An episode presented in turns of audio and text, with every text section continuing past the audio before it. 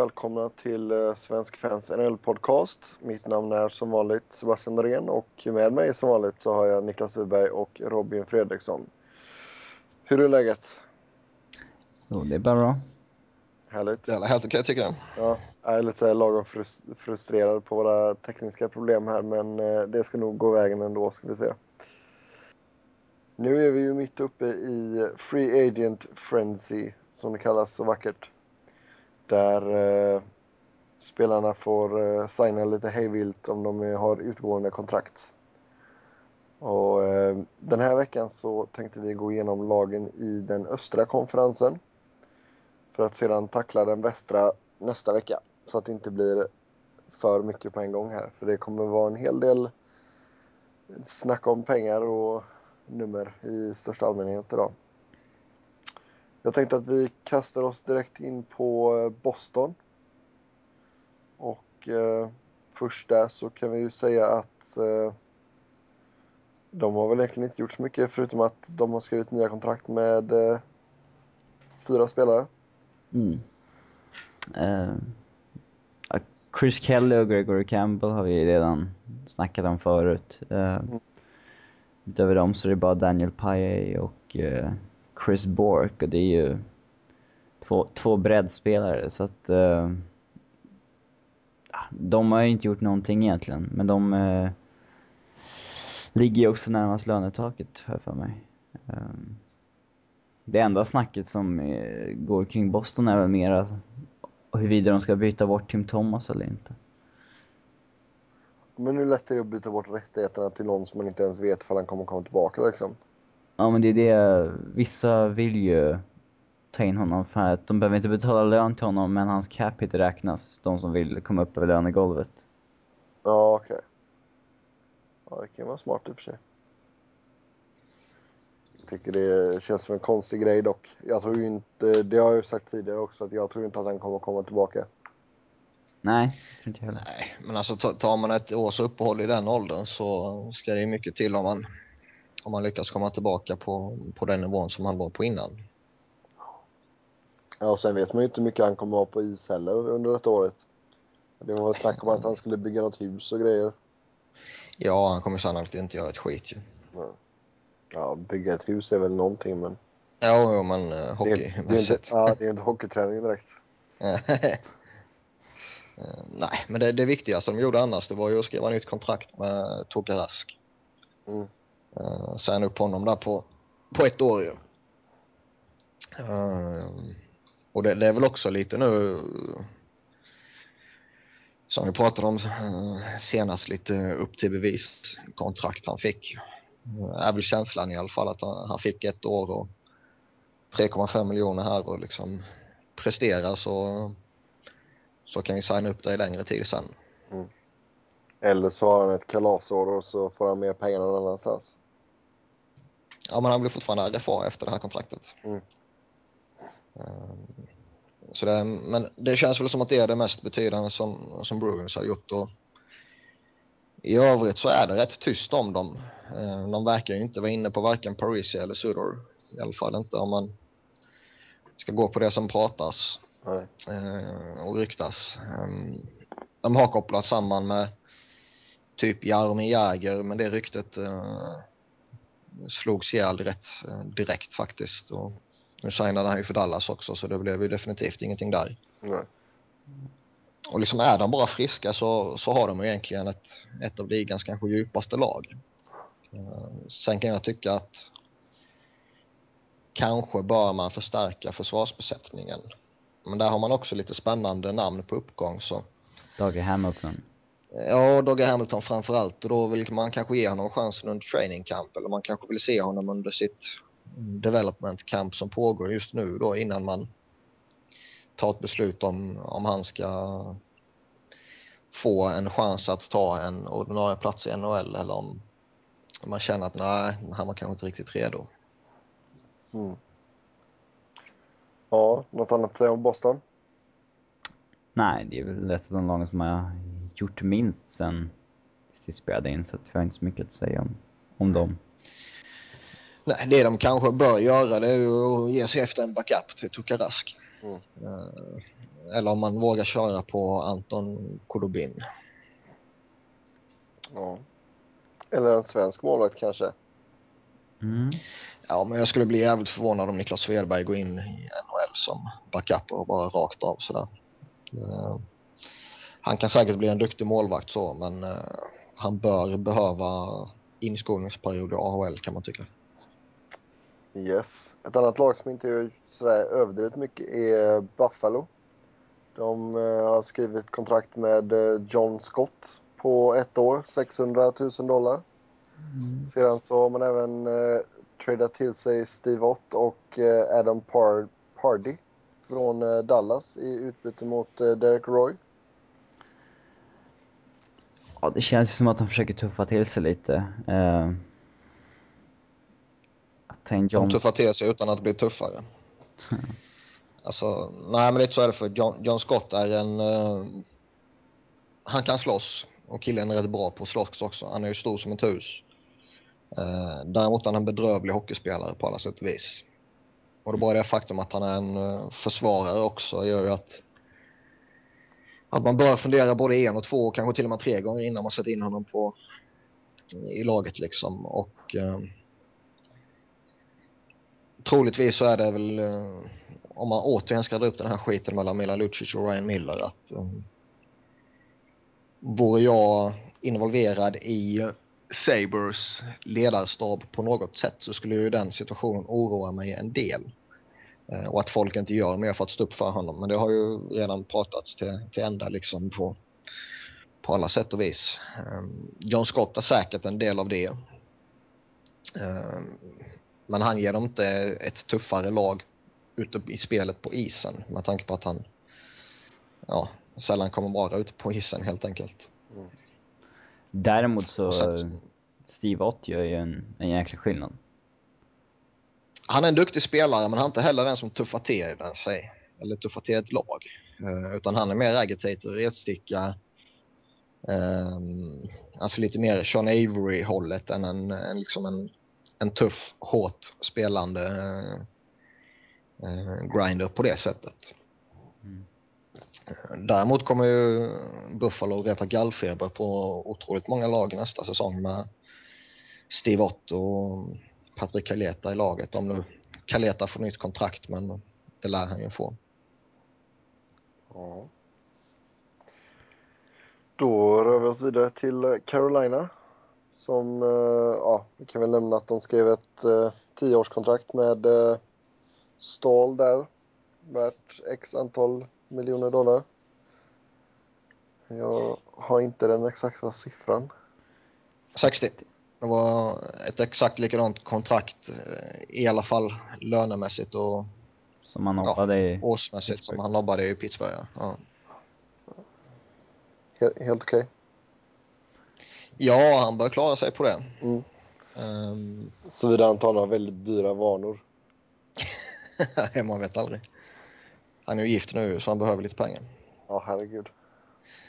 Eh, nej, men det enda stora de har gjort så sett det är väl att plocka tillbaka Joe Carver. Eh, som är en helt okej okay försvarare i den offensiva aspekten. Har väl inte riktigt fått ut det i, i andra klubbar, men Carolina har han allt som oftast varit helt okej okay ändå tycker jag. Um, han känner organisationen, han kan stan och hela den biten så det är väl en värvning som uh, jag tycker kan vara helt okej okay för deras del. Mm. En tung förlust däremot i Brian Allen som jag tycker är en väldigt duktig försvarare. En stor, stark eh, snubbe, duktig i egen zon, kan rensa framför kassan, eh, viker inte ner sig och eh, han gick då till Anaheim. Mm. Så det, det, är en, det är en tung förlust, det är det verkligen. Och deras backbesättning är väl inte jätte stabil defensivt nu utan honom. Corvo fick ju ett ettårskontrakt då på 2 miljoner dollar. Är det i högsta laget eller? Ja, alltså med tanke på att... Uh, det finns många backar ja, som tjänar mer alltså. Som... Ja, det finns många som tjänar mer. Carolina måste ju trots allt ta sig över lönegolvet också. Och för de lagen som, som ligger i den situationen så... Ja, då är ett sånt kontrakt inte så jävligt kanske.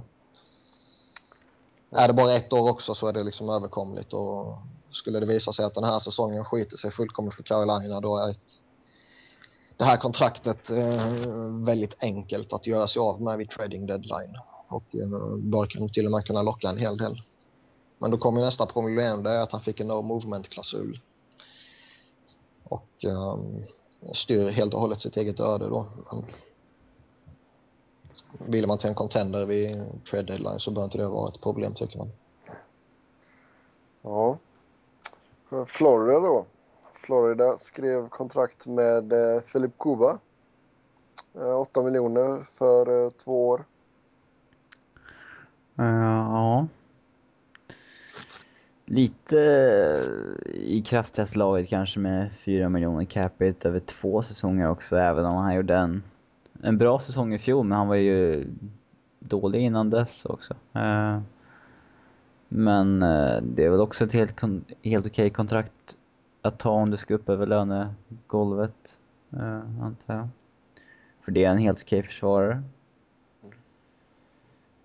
Ja, han är väl inte dålig så sett. Sen kommer han ju aldrig få ett sånt kontrakt i ett, uh, i ett riktigt topplag. Men det var väl också en av anledningarna till att han signade för Florida skulle jag gissa. Jag skulle inte gett honom två år. Um, framförallt inte till en sån uh, hög lön. Men sen är det som som jag sagt om några andra lag och som Robin nämnde också att uh, de behöver spendera för att nå lönegolvet här ju. Uh, de behöver ta in en ersättare till Jason Garrison också som lämnade för Vancouver. Mm. Och Kuba fyller väl de flesta av de behoven. Så det, det är väl en helt okej värvning för dem tycker jag. Sedan så tog man även in eh, George Paris från eh, Anaheim också. Två år. 1,85 miljoner. Ja, det är väl en skön kille att ha i laget antar jag. Uh, jag vet inte om jag vet inte om det var lögn eller så, men det sades att det var väldigt stort intresse för honom. Uh... Jo, men det kan jag nog tänka mig att det var faktiskt. Ehm, men sen tycker man väl att får han ett tvåårskontrakt så kan det nog väga över eh, rätt mycket rent vad han fick ekonomiskt från andra lag också kanske. Ehm, för just den här spelartypen är det är kanske inte alltid något man vill binda upp sig över under flera år och får man då chansen till ett tvåårskontrakt i, i ett lag där man sannolikt kommer vara ordinarie så ja, då bör man väl hoppa på den båten kanske. Mm. Ja, om vi uh, rör oss över till... Uh, ja. Signa Clemensen också. Uh. Ja, de skrev nytta ja. Ja, ja det, det är intressant. Alltså, man väljer att, att signa Clemensen när man fortfarande har kvar José Theodor på äh, den här kommande säsongen ut också och sen Jakob Markström på uppgång. Um, känslan är väl att man inte är helt övertygad att Markström faktiskt kan, kan hävda sig i NHL den här säsongen som kommer nu. Mm. Um, man säger att man ska ge honom chansen. Um, men visar det sig att det inte lyckas här nu då har man i alla fall två Eh, ja, veteraner att tillgå. Mm. Och skulle det visa sig att eh, Markström att eh, han är så jädra bra så han tar första spaden under training camp, ja då är det inte några större problem att trada bort någon av de här två kanske. Nej. Det är lite det, konstigt ja. eftersom man ligger uppenbarligen i ganska långt gångna förhandlingar om Roberto Longo. Uh. Mm. Och då kanske det är att i den eller i de förhandlingarna så kanske typ José Theodore ingår som backup till ja. Corey Schneider i Vancouver. Eh, men det är också, eh, alltså det, jag, jag, tycker det är, man sänder lite dubbla budskap till Jakob Markstrand framförallt. Eh, att man säger hela tiden att man kommer ge honom chansen och nu vet man inte vad för diskussioner som förs bakom stängda dörrar givetvis men säger man hela tiden att en, en målvakt framförallt kommer få chansen och att ja, i princip hela hockeyvärlden är överens om att han är en väldigt stor talang och att han kommer bli bra i NHL, att det är bara en tidsfråga liksom. Men ja, jag, jag, tycker det är konstigt både att man förlänger med, med Clemensen och dels att man fortfarande pratar med Vancouver om Luongo. Mm. Det, det säger mig att man kanske inte är så helt övertygad om Markström trots allt. Nej. Nej, alltså kommer Longo in så kommer ju antagligen dröja ett tag innan Markström får en rejäl chans. Ja, verkligen. Eh, Alltså även om det går ju rykten nu att Longo bara har planer på att spela fyra fem år till och att, att det skulle underlätta för laget att ta in hans kontrakt. För slutar han så, så stryks ju kontraktet ur, ur, uh, ur böckerna så att säga. Men eh, frågan är om Markström är redo att vänta fyra fem år liksom. Känns väl som att han är lite för bra för det faktiskt. Ja, lite så är det väl. Ja, om vi då rör oss norrut till Kanada.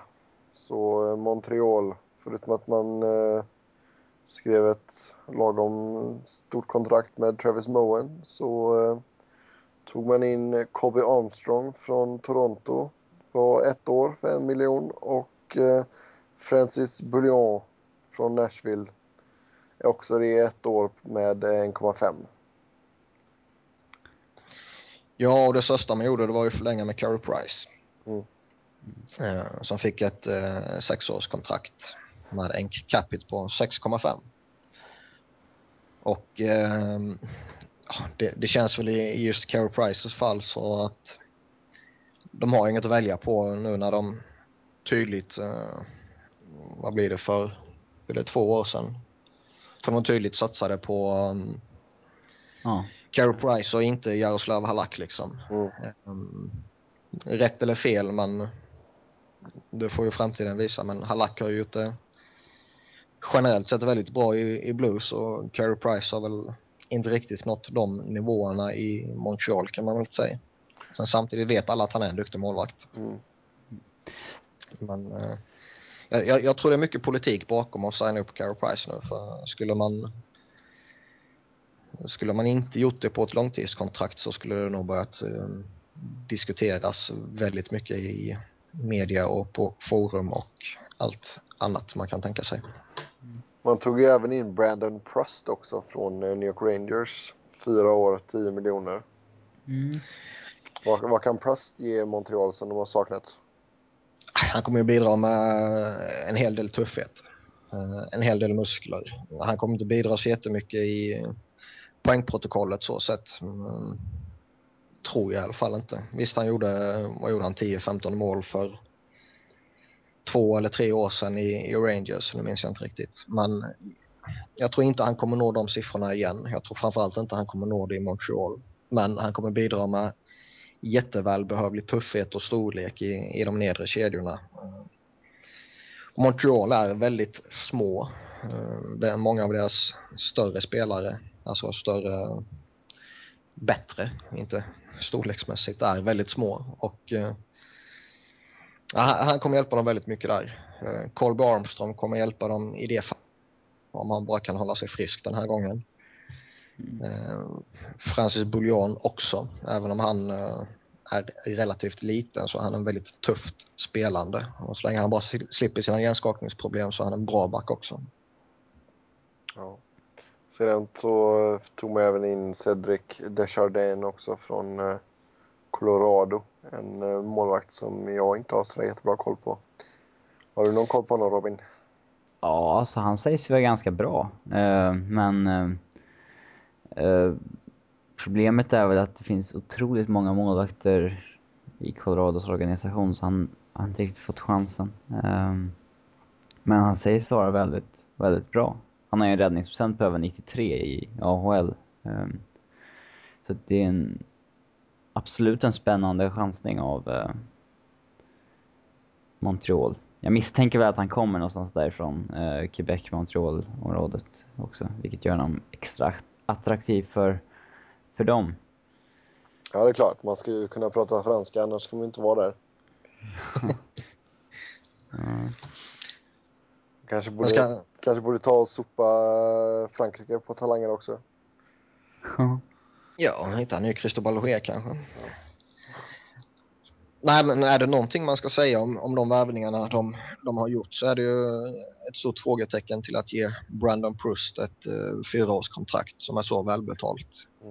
Mm. Uh, han kommer hjälpa dem, inget snack om saken och han, han är en väldigt duktig spelare för, för de lägre kedjorna. Um, han går många fighter, han vinner många fighter, han inger respekt och bla bla bla liksom. Men uh, återigen, vill man verkligen signa upp den spelartypen på så många år på en relativt uh, hög cap hit? det har väl inte haft något problem med en 2,5 sådär, men över fyra år är det väl lite känsligt. För jag, jag tycker han är ganska okej okay hockeyspelare om man jämför med vissa andra fighters. Uh.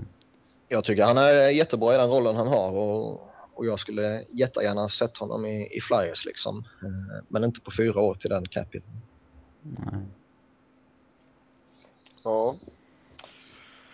Då tar vi oss ner till eh, New York där vi börjar med eh, New York Islanders som eh, signade Brad Boyce från Buffalo, Matt Karkner från Ottawa och eh, Erik Bolton från eh, New Jersey.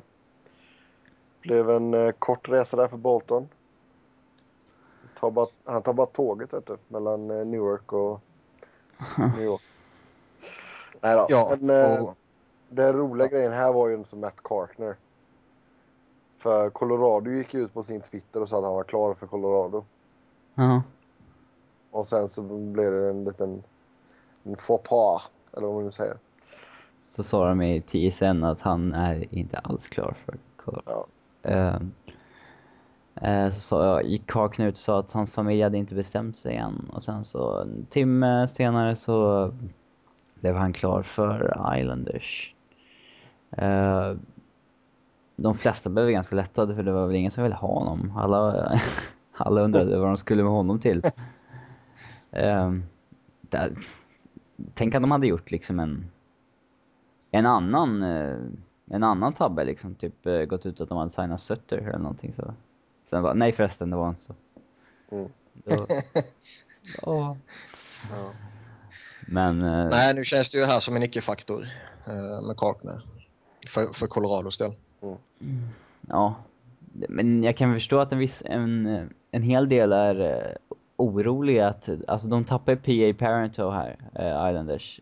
Och att en del är oroliga att de faktiskt tänker ersätta honom rakt av med Brad Boys. Eh, vilket, ja, en hel del tyder på för att det har inte skett något annat. Eh. Nej, men sen samtidigt är ju marknaden är ju helt, står ju helt still nu i princip. Eh, många tror det är på grund av Zach Parise och Ryan Suda här och till viss del så, så stämmer det säkert för lagen som Parise eh, och Sudo nobbar kommer ge sig efter andra free agents typ Matt Carl och Alexander Semin och, så här va. Um, nu tror jag inte Islanders som är i det racet. Men det i sin tur påverkar ju spelarna som kommer under där också. Och, och där kanske Islanders kan vara aktuella för att leta en ersättare till Parentor. Men jag tror också att Brad Boys är den ersättaren. Och det är väl en spelare jag kan tycka är helt okej okay att ta en chansning med. Um, om det skulle varit något annat lag än Islanders som faktiskt har råd att han blir en icke-faktor som, som kanske väldigt mycket ändå pekar på. Um, sen ska man inte blunda för heller att uh, får han gå in och spela med John Tavares så, så kan produktionen skjuta i höjden igen. Mm. Ja, man, man gav honom ett ettårskontrakt med en miljon så det känns väl inte som att det är någon sån här jätteaffär direkt. Mm. Nej, och Islanders verkar inte heller baserat på de senaste åren lida av om man liksom skulle bli sämre heller. Om man ska vara lite stygg. Mm. Det brukar det vara så det är inga problem. Ska vi... ja, uh, New Yorks andra lag då, New York Rangers. De uh, har skrivit lite nya kontrakt med lite spelare. Uh, Martin Bron bland annat. Men man plockar över Aaron Asham från Pittsburgh. Han blir väl rak ersättare för Prust helt enkelt. Ja, och ska man jämföra de två så man tappar en, en av ligans kanske bättre uh, fightare och, i den rollen. Men man får en mer komplett spelare i Asham. Och Asham har ju kunnat visa sig under sin karriär att han vid behov kan gå in högre upp i hierarkin och, och hjälpa till under två, tre, fyra, fem matcher om det skulle vara en skada eller en avstängning eller någonting. Mm. Uh, så jag tycker det är en, en helt okej okay värvning av, av Rangers. Um, just för att han kan bidra med så många saker och sen kan han få lite snedtändningar ibland men ja, det, det är liksom också saker man får ta med spelare i, i de lägre kedjorna egentligen. Jag tror för hans del var det kontrakt. Ja. Men han har, varit, har, har inte han varit runt i alla nu i Atlantic? Jo, det är det som är den stora snackisen ju. Uh, han har varit nu i Islanders, Devils, Philadelphia, Pittsburgh och uh, nu då går han till Rangers. Kul, alla, är, dessutom... alla inom de senaste fem åren också. Ja, och sen har han dessutom hunnit med Montreal tidigare i karriären också. Um, så han har farit runt en hel del och han är 34 bast nu så han har ju en lång karriär bakom sig. Mm. Men som sagt, det, jag, jag tycker det är en bra värvning av, av Rangers och uh, en bra ersättare till, till spelarna som har lämnat också i, i fjärde kedjan till exempel. Ja, då har vi något annat att säga om Rangers. De gjorde en intressant värvning här i Taylor Pirate tycker jag. Uh, du har ju sett honom lite i Phoenix så du kan väl köta på lite om honom om ja. du har något att säga. Ja, men det är väl en helt okej... Okay. Alltså, han ska inte vara en typ av en power forward nästan. Sen kanske inte han alltid har visat liksom hela sitt register tror jag inte. Men eh, nu, får, nu får han så en bättre omgivning här tror jag än, eh, än i Phoenix om man ser offensivt sett.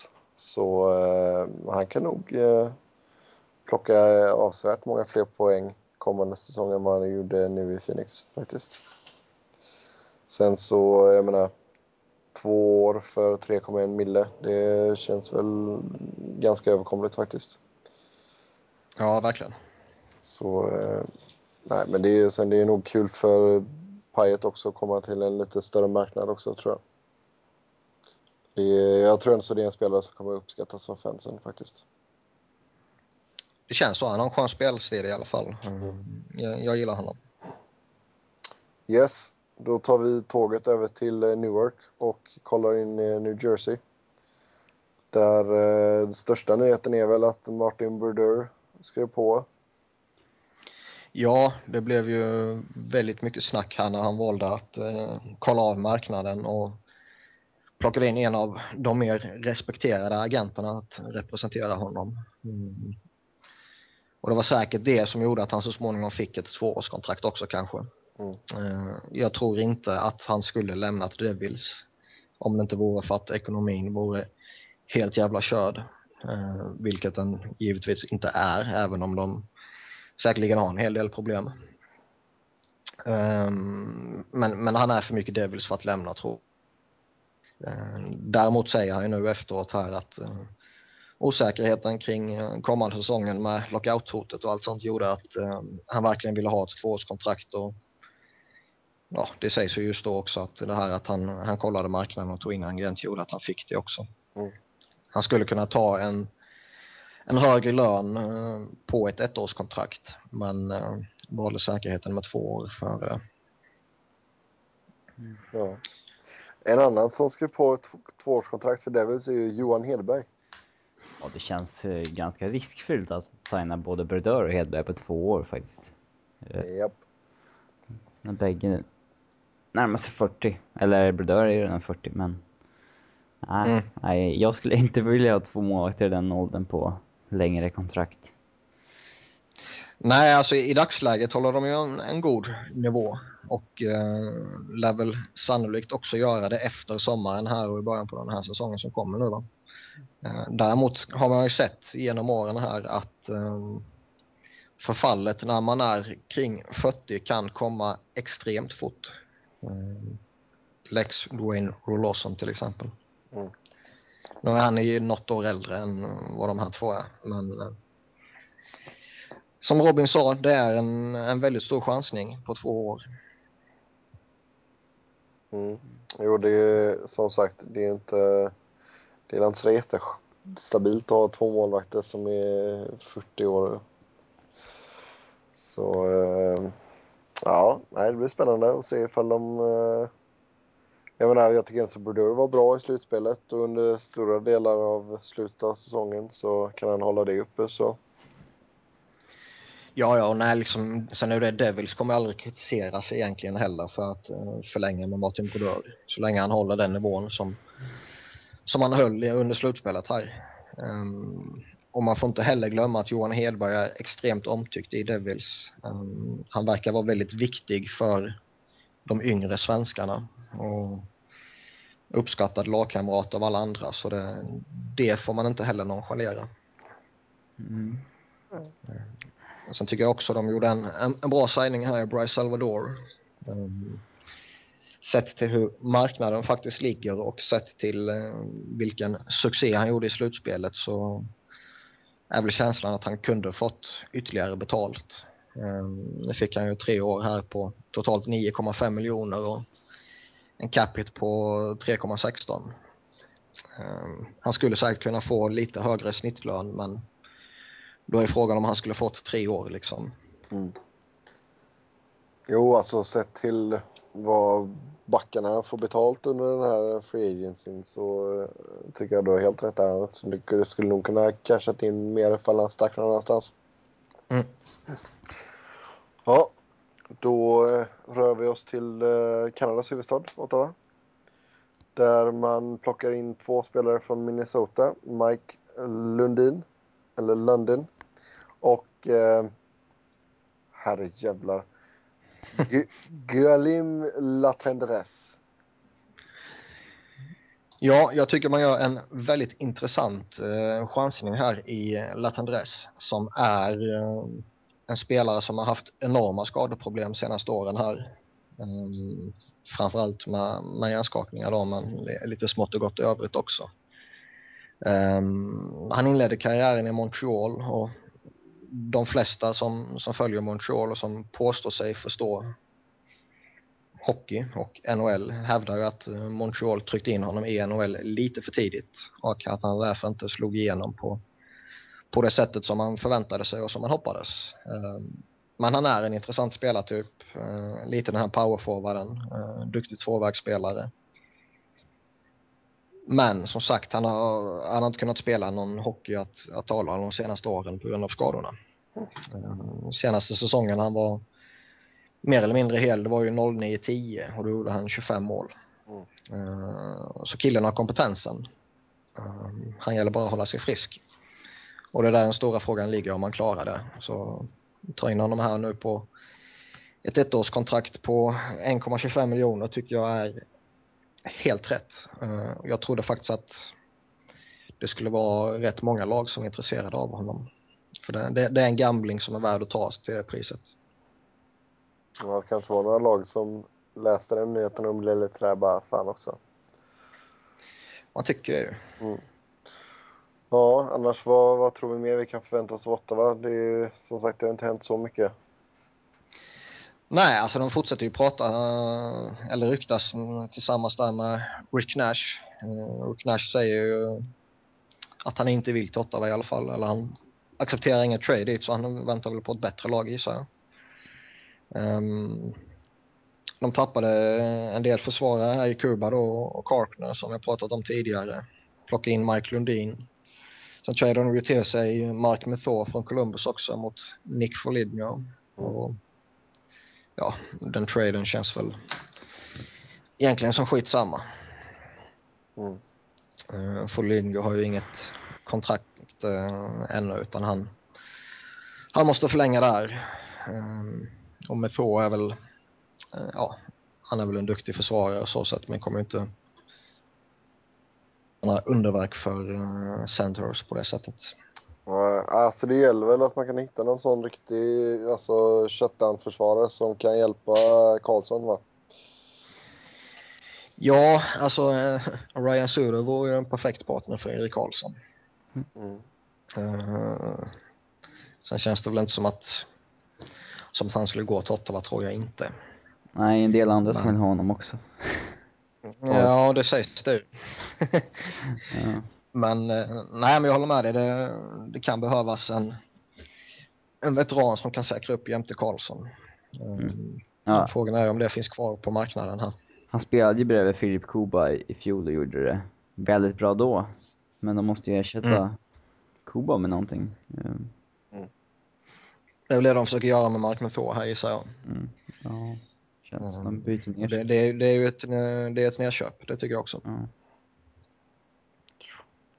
Yes. Då går vi till ditt kära Philadelphia. Du kan ju ta snacket där. Ja, man har ju i princip inte gjort någonting alls. Mm. Efter att tradat bort Sergej Bobrovski här så signar man upp Michael Layton, eller Layton på ett ettårskontrakt för 900 000 dollar. Och, ehm, ja, vad, ja man, jag vet inte vad jag ska säga om det. Ehm, Det är inga stora pengar så det är ingen jättechans. Det är inga stora pengar så det är skitsamma så sett. Det är mer att eh, bitterheten hos fansen över eh, målet som avgjorde Stanley Cup-finalen 2010 som är en rejäl tabbe eh, fortfarande lever kvar plus sättet han behandlade Flyers under när de förhandlade om det kontraktet som gick ut här nu. Eh, där han dolde en ryggskada för, för Flyers och, och inte sa någonting om det förrän efter han hade skrivit på kontraktet. Det har ju retat upp en hel del. Mm. Jo men det, det är förståeligt. Ja. Ja. Och, och det har gjort då att han har fått göra två säsonger här i, i uh, AHL. Eh, men, men, men förutom den bitterheten eh, så tycker jag ändå att ja, det, det är en okej uh, backup här. Eh, han vet vilken roll han kommer få. Han kommer inte förvänta sig att han ska vara någon första målvakt här. Eh, alla vet att eh, uh, Bruskalov är den. Han har haft framgång med Reese, Flyers målvaktstränare tidigare och de två verkar fungera väldigt bra tillsammans. Och, ja, för det, för det priset så, så kan det väl vara okej liksom. Ja, jag, tror- jag tror inte han kommer få se sådär överdrivet mycket action heller liksom. Nej, vad kan han få spela en 10-15 matcher Ja. som max liksom. Ja. Eh, och jämför man med Bobrovski som när han var första målvakt var väldigt duktig men när han var backup uh, klarade han inte alls den rollen så ja, då känns det väl som skitsamma egentligen. Man fick bra betalt för Bobrovski i alla fall. Mm. Um, eh, annars så är det ju, man har ju lagt två monsterbud på både Zach Parisi och Ryan Suder och eh, Ja. innan man får några besked där så kan man inte göra någonting i övrigt. Nej, alla pengar är ju Smart. uppknutna där. Det enda, det enda de har kvar sen i laget är att förlänga med Jakub Voracek, eventuellt eh, Tom Sesisto och han med det konstiga namnet. Eh, Marc-André Bourdon nej, eller eh, Solenchuk. Ja. Ja. Eh, Nej men det, det är ju de, de fyra som vi nämnde där som jag tror allihopa får, får nya kontrakt. Om det nu inte visar sig att eh, man kommer använda Voracek i en trade. Mm. Vil- vilket jag tror kan vara mycket möjligt. Eh, med tanke på att hans agent Peter Svoboda här har ju representerat Jaromir Jagr också och har ju på ett års tid här, eller lite längre än ett år till och med, eh, gjort sig känd som en rätt stor skitsnackare. Och eh, Voracek, eh, det sägs att eh, Voracek och Svoboda kräver ett väldigt eh, lukrativt kontrakt, eh, upp mot 4 miljoner kanske. Eh, och då är frågan om om man redan tar det i dagsläget eller om man då kanske hellre försöker använda Voracek och lite talanger underifrån och lite draftval för att typ plocka in Bobby Ryan. Ja, alltså Voracek på alltså 3,75 eller upp till 4 är ju ingen är väl ingen krissak så men uh, Flyers ligger ju nära kommer ju ligga nära lönetaket och ska de ta in Paris eller Sutter så ja, då, då har de inte råd med en sån värvning. Nej, lite så är det. Och, och liksom får man in någon av de två då tror jag att man kommer eh, tvingas göra någon trade också för att få bort lite lön. Eh, om det är ett befintligt kontrakt man tradar bort, typ André Metsaros, eller om det blir att man hivar iväg eh, Voraceks rättigheter, ja det beror väl kanske på lite vem, vem av de två man eventuellt skulle få. Nu tror inte jag man kommer få någon av dem, men man vet ju aldrig. Mm. Det, det som förvånar mig är ju däremot att eh, i Zach Parises fall så, så går det ju rykten om att han redan har bestämt sig för vilka lag, eller vissa lag som han inte vill spela för, men att han inte kommer meddela de lagen förrän han bestämmer sig för vilket lag han kommer spela i. Mm. Uh, vil, vilket jag tycker är uh, otroligt smutsigt. Ja, alltså det känns ju som att de, de håller upp hela liksom, eller hela, ja, nu säger vi, nu låter det som att det inte har hänt någonting men alltså jag tror det skulle ha hänt mycket, mycket mer än vad vi har sett än så länge ifall de hade bestämt sig här nu för första juli. Ja, Jo, men det är klart att skulle gjort det.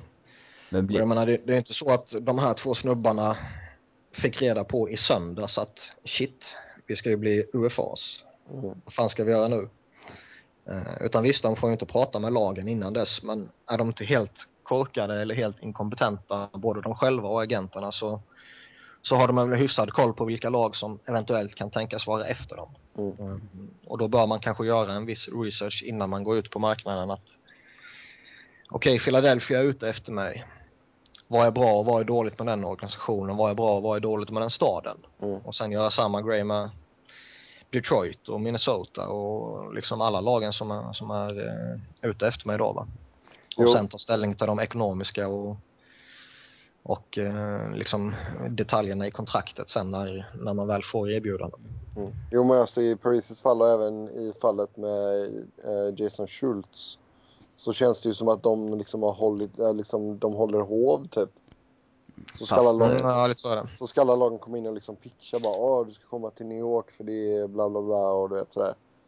ja, men menar, det är väl inte i- helt, eh, det är väl inte helt konstigt att det, att det blir så heller när de är så pass attraktiva free, free agents. Eh, Nej, det är klart. alltså, Sen samtidigt så si- sitter man som general manager eller kanske framförallt som, som ägare för ett lag och sen eh, hivar man upp ett kontrakt på, eh, som det pratas om, 100-110 miljoner dollar. mm, Eh, då vill man kanske få ett, ett besked. Liksom just visa att vi, vi, är redo att lägga de här summorna på dig. Mm. Ge oss ett besked. Vill du inte det, ja då måste vi titta oss någon annanstans. Mm. Eh, det, det blir ju också jäkligt eh, märkligt om, om till exempel Prissy går ut och meddelar nu att, eh, att Philly är avskrivna. Eh, och så kan de hugga på semin till exempel. Nu skulle inte de göra det, men alltså så blir de, de som är de slutgiltiga finalisterna kring Parisi som inte får honom, får ju inte samma chans att ta de andra dominobrickorna så att säga då, om de är kvar i racet längre. Uh. Uh. Nej, det är klart det är så. Och, och sen, sen samtidigt känns det just liksom att, att dra ut på det så här, det, då har man inte gjort sin research tycker jag. Och eh, bestämmer du dig för att nej, det här, det här laget vill jag inte spela i, men de, de har lagt ett bud på, ja, buden det pratas om är ju allt från 80 upp till 110 miljoner liksom. Eh, då tycker jag ändå att man har en skyldighet att meddela det här laget att nej, Eh, eller ja, tack men nej tack liksom. Mm. Exakt. Alltså det, det känns lite märkligt. Alltså själv, man kan väl säga att det är säkert 15 eller 20 lag som har lagt eh, som har klarat av att lägga de här jättebuden på de spelarna och har gjort det. Eh, och eh, det känns som om man själv var i deras situation så skulle man ju kunna plocka bort hälften av lagen på en gång nästan. Och sen så... Men det verkar ju i alla fall Ryan Sudo ha gjort ju. Eh, han, han verkar ju i alla fall, nu vet man ju inte vad som är sanning och inte sanning, vad som kommer ut i som rykten och, och vad som är fakta och hela den biten i, i medierna. Men eh, Suder har ju i alla fall meddelat lagen lite efterhand och om det var igår eller i förrgår så, så fick till exempel Carolina beskedet att eh, Sudoru har, har strukit dem från sin lista.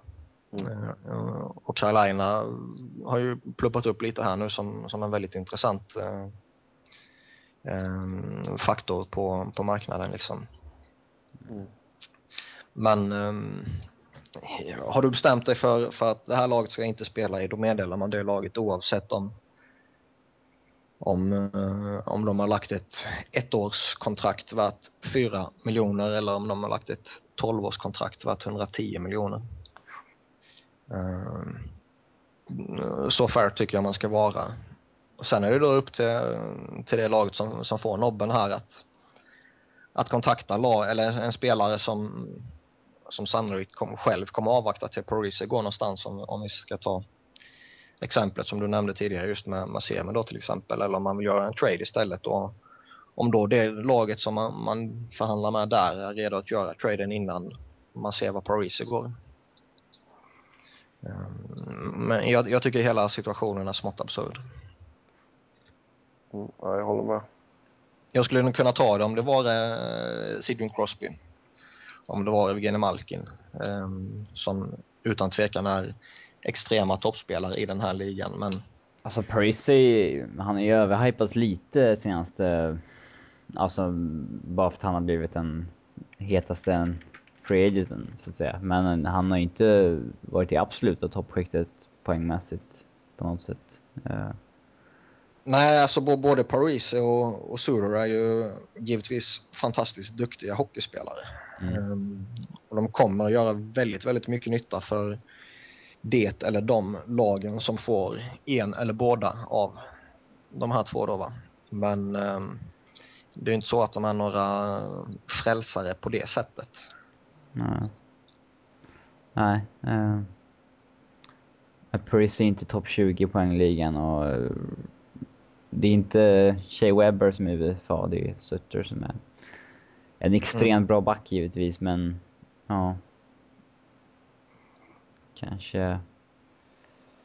Han är en bit efter en del andra också. Mm. Ja, nej, de borde bestämma sig fort. Ja, men i, idag eller i, känns det som att det måste komma ett besked från åtminstone en av dem. Jag kan hoppas på det i alla fall. Man tycker det. Samtidigt bara kom upp lite rykten nu om att de kom. Det är ju 4th of July där borta nu. Så nu börjar det komma upp lite rykten om att beslutet eh, kommer dröja till torsdag, fredag kanske. Ja, det blir nog många knop på folk eh, imorgon här faktiskt. Det blir mycket grilla och kolla på fyrverkerier och dricka bärs och grejer. Så det, ja, lite så känns det som. Det, det är vad jag ska göra i alla fall. Så eh, det blir trevligt. Jo, men det skulle du gjort oavsett om det skulle vara 4th of July eller inte. Jo, det är sant. klassiska onsdagsgrillningen liksom. Jajamän. Ja. Nej. Uh, om vi då rör oss vidare till uh, Pittsburgh. Uh, man skrev ju nytt med Crosby. Har eh, Robin eh, detaljerna på den? Ja, det är ett eh, klassiskt eh, lura lönetaket-kontrakt. han tjänar ju... Capiten landar ju på samma som han har haft i flera år. 8,7 men han tjänar ju 12 miljoner första tre åren och sen 10,9 i tre, tre år, sen blir det 9 ta... Sen är det sista tre åren som han bara tjänar 3 miljoner så att Eh, capiten jämnas ut uh, till 8,7. Sen, sen, sen, ja. sen samtidigt är det ligans näst högsta cap hit. Så sådär extremt mycket har man inte lurat än. Nej, men alltså de närmsta sex åren skulle han ha en cap hit på 11 egentligen. Jo, jo, jo, jo men uh, om man jämför med så, vad som finns. Ja. Sen är det klart maxlönen är ju betydligt högre än vad det är liksom. Mm. Men man skulle kunna konstruera ett kontraktet så att capiten skulle kunna minska betydligt mer. Mm. Mm. Det är väl snyggt att har 8,7 och spelar med 87. Ja, han verkar ha någon fetish på det ju så mm. då får han väl gilla det. Den ja. lille pojken. Det är sån uh, branding vet du. Nej, men annars har väl Pittsburgh varit rätt så tysta av sig. Ja, vi signade Tanner Glass, det var typ det enda.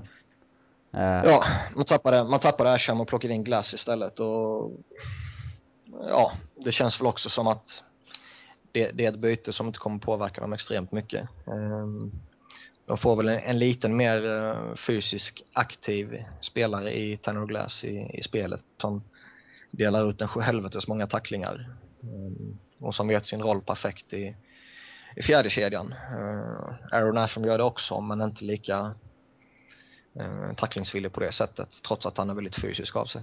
Mm.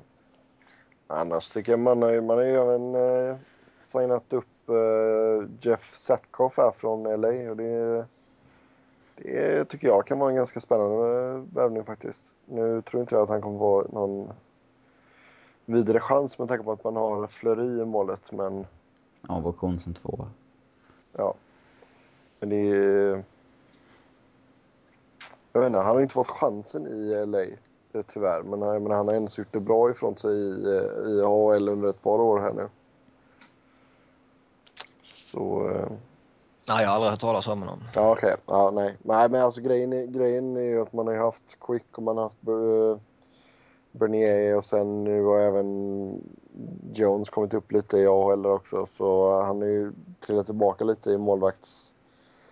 Uh, ja, stegen eller vad, vad man nu ska kalla det. Så... Mm hierarkin. Eh, så det är väl inte så jättekonstigt att han lämnar, men eh,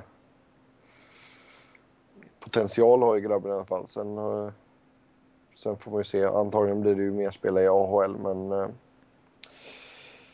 ja, jag tycker inte det är en dålig signing i alla fall.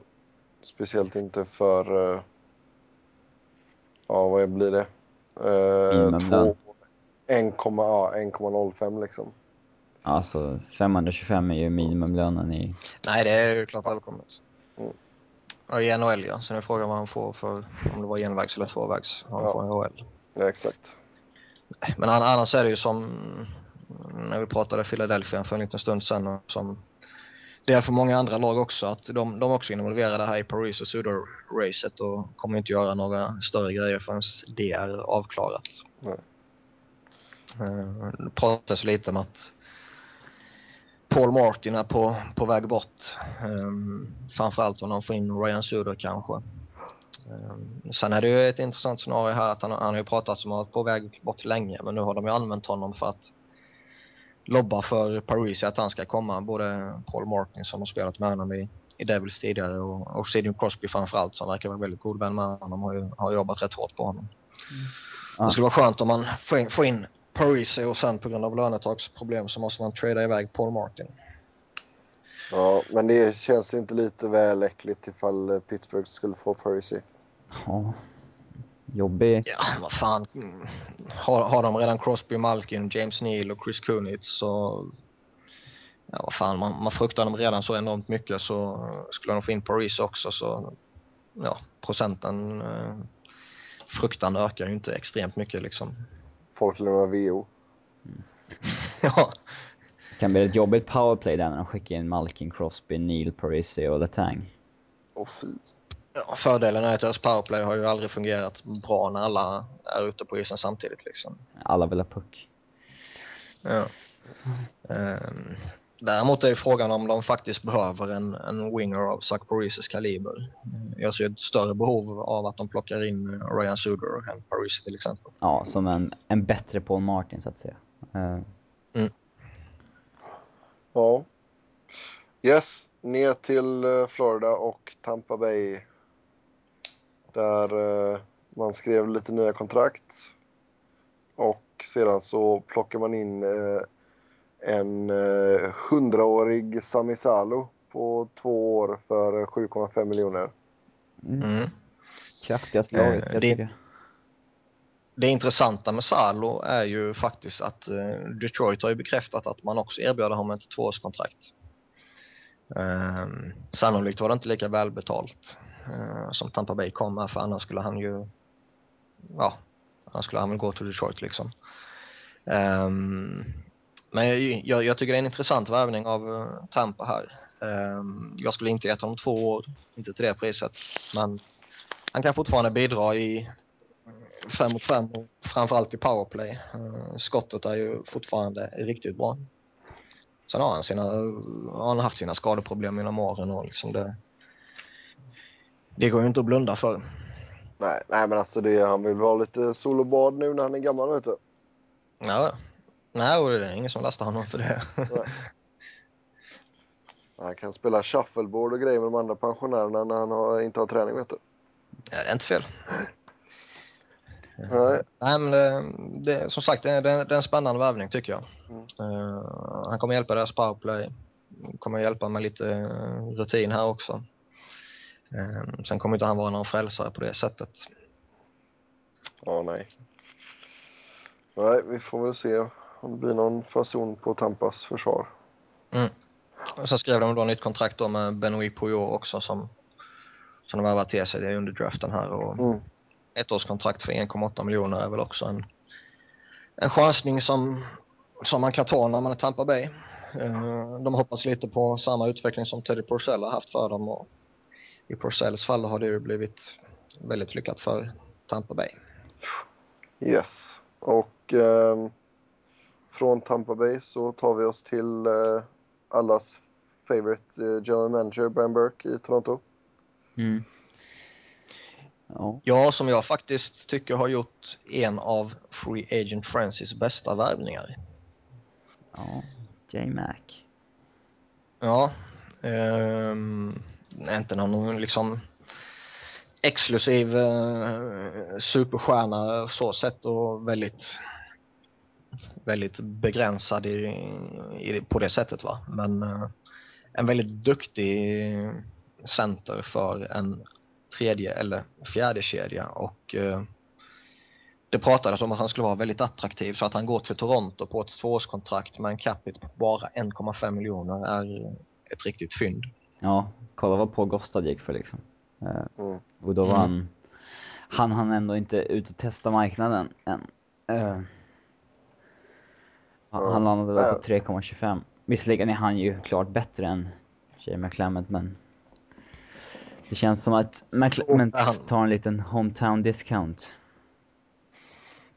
Mm. Ja, lite, så- lite så är det väl. Ehm, men, men som sagt, jag tycker det, det är en väldigt bra värvning av Brian Burke. Sen finns ju Sen har man fortfarande ett ännu större behov att fylla på centerbesättningen lite högre upp i hierarkin. Ja, herregud. Alltså det, det intressanta med Jay McClement var ju att Colorado erbjöd honom mer pengar än det där. Eh, de ska ha erbjudit honom någonstans mellan 2 och 2,25. Men eh, Jay McClement eh, ville ha upp mot 3 eller någonting för att stanna eh, i över fyra år. Och det var de inte villiga att ge honom. Eh, det verkar väl som att han inte trivdes, eller att hans familj inte trivdes i Denver av, någon anledning. Att om han skulle vara kvar så skulle det vara till ett mycket välbetalt kontrakt. Eh, helt enkelt. Och då tyckte väl de flesta att de gjorde rätt i att släppa honom. Eh, sen när, de, när alla insåg att han signade för 1,5 i Toronto så förstod jag alla att det var för att han det är klart att Colorado hade betalat 1,5 om de hade fått chansen att ta honom på ett sånt kontrakt. Men det, det ville han inte av någon anledning. Eh, Ja, Skillnad på lag och lag. ja. Han var ju väldigt tydlig fjärde center också i Colorado. I Toronto så finns det väl lite större möjligheter till en, en roll som tredje center i alla fall. Man tycker det. Ja, man vet aldrig. Burke kanske var jättetrevlig på telefon. Ja, Vad sa du? Han, Han, eh, Burke kanske var jättetrevlig på telefon, man vet aldrig. han gick ju i Pride-paraden så han kan ju vara fantastiskt trevlig. Ja, han var ju sådär lagom rolig under intervjun på eh, under draften. ja, han är alltid en bitter jävel. Ja. Men eh, han kanske är Han har- roligare, roligare person i privat. Ja, det vet man ju inte. Men, men ska man gå tillbaka till det med bitterheten och, och så, så det, det, det är väl alltid någonting som kommer irritera folk och sättet som man uppför sig på. Men han ställer alltid upp och pratar. Vilket man inte kan säga om alla general managers och coacher och spelare och whatever liksom. Men äh, pratar gör han alltid. Och det måste man respektera honom för. Ja, det är sant. Ja, då eh, tar vi oss vidare till eh, huvudstaden Washington DC. Där man eh, tog in eh, Joey Crabb och eh, Jack Hillen. Ja. Eh, Det är väl inga jättespelare och det var inga jättepengar heller. Båda fick ett ettårskontrakt. Crab plockar hem 950 000 dollar och Hillen 650 000 dollar. Ja, Washington verkar inte vilja göra så mycket. De- är väl inte någon av klubbarna som har nämnts kring Sutter och Parisi. Eh, De kommer ju inte ta tillbaka semin, eh, det tror jag inte. Och nu röker Jager och... Ja, jag, jag vet inte riktigt vad de... jag, tror, jag tror inte de skulle ta tillbaka Jäger heller. Nej. Eh, De... Jag vet inte riktigt vad de har för plan nu. Jag... Känns lite som... Men det, de, de hade väl en, en plan var väl att ta in en andra center av klass och det fick de i Mike Ribeiro när de tradade för honom. Mm. Ehm, annars känns det väl som att förutom kanske att de borde få in en, en försvarare för första eller andra backpar. ehm, så känns det väl som att det, deras lagbygge känns väl mer eller mindre klart inför den kommande säsongen här. Um, ska väl skriva kontrakt med typ Jay Beagle och Perrault här. Och kanske ytterligare någon, någon liten eh, mindre etablerad värvning. Mm. Annars är det ju som, som Robin sa, Alexander Semin lär ju gå någon annanstans. Man har redan bekräftat att Mike Knobel och Jeff Halpen kommer lämna. Mm. Sen så är det ju, av någon anledning så är det ju extremt tyst kring både Mike Green och John Carlson som är RFAs för tillfället. Um, som man inte hör ett dugg snack om av någon anledning. Trots att det är två väldigt stora namn ju. Det är intressant. Ja, det kän känns väl som att det. Jag vet inte riktigt vad som händer i Washington faktiskt. Det Nu har vi fått ny, nu har vi fått Ja. ny tränare också. Så, Ja, sen George McPhee, deras general manager, har ju fått en del kritik genom åren för att han är lite väl passiv. Uh, och den kritiken har givetvis seglat upp återigen här nu va. Ja, innan trading deadline Mm. så visste man inte heller vad han sysslade med. Han gjorde ingenting då. Eh, trots att laget var skit liksom. Eh, och nu i sommar så känns han också väldigt, ja, passiv så att säga. Att han inte finns med där det händer saker. Mm. han, kan, han kanske har bestämt sig för att off-season det är semester. Han åker och fiskar. ja, man vet aldrig. Eh, Sen vet, sen vet man ju heller inte vad Adam Oates eh, sa här nu när han kom in som head coach. Nej. Att, eh, går han in och säger att nej men jag är nöjd med det här laget. Eh, jag fick en andra center i Mike Ribeiro här som, som jag kan använda och forwardsbesättningen på pappret ser, ser stabil ut så där, där klarar jag mig. Eh, backbesättningen när vi får nya kontrakt på Mike Green och, och John Carlson där är jag också nöjd liksom. Målvaktssituationen har visat sig att både Neuwirth och Holtby har, kan hålla en väldigt hög nivå. Mm. Så det, man, man kanske är nöjda så här och väljer att inte överbetala på den här marknaden. Nej. Vilket alla lag i princip behöver göra för att kunna plocka in någon spelare av klass. Ja, det är ju som vi har sagt innan. Det är ju inget jättebra free agency i år alltså. Nej. Eh, det finns rätt många kompetenta spelare men marknaden gör ju att eh, det blir helt eh, snedfuckat liksom. Ja. Yes, då går vi på avsnittets sista lag. Winnipeg Jets. Som eh, jag skrattade gott åt när de eh, skrev ett kontrakt med Olli Jokinen. På två år för 9 miljoner dollar. Ja. Alltså, han är inte, han är inte typ katastrof. Han gör ju sina poäng sådär. och Jag är väl mer förvånad över att han valde att ta det, förmodar jag, mest välavlönande erbjud- erbjudandet han fick. Ehm, Men han har insett att han aldrig kommer att spela i ett slutspel igen. Han vill bara tjäna så mycket pengar som möjligt.